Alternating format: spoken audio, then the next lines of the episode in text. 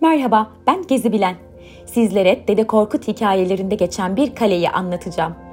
Bayburt Kalesi'nin ilk olarak kimler tarafından ve ne zaman yapıldığı kesin olarak bilinmemektedir.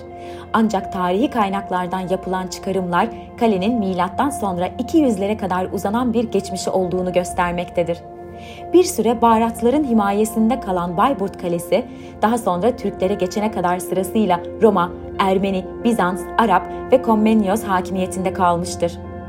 Bugüne kadar pek çok onarım geçiren yapı özellikle Tuğrul Şah tarafından adeta baştan inşa edilmiştir. Kalenin bir diğer adı da ilk inşasında bolca kullanılan firuze ve mor renkteki çini süslemeleri sebebiyle Çini Maçin Kalesi'dir. Ancak yazık ki savaş tahribatları sebebiyle bu Çiniler günümüze ulaşamamıştır. Dede Korkut hikayelerinde de geçen kale, Beyre'in fethedip nam kazanmak için yola çıktığı yerdir.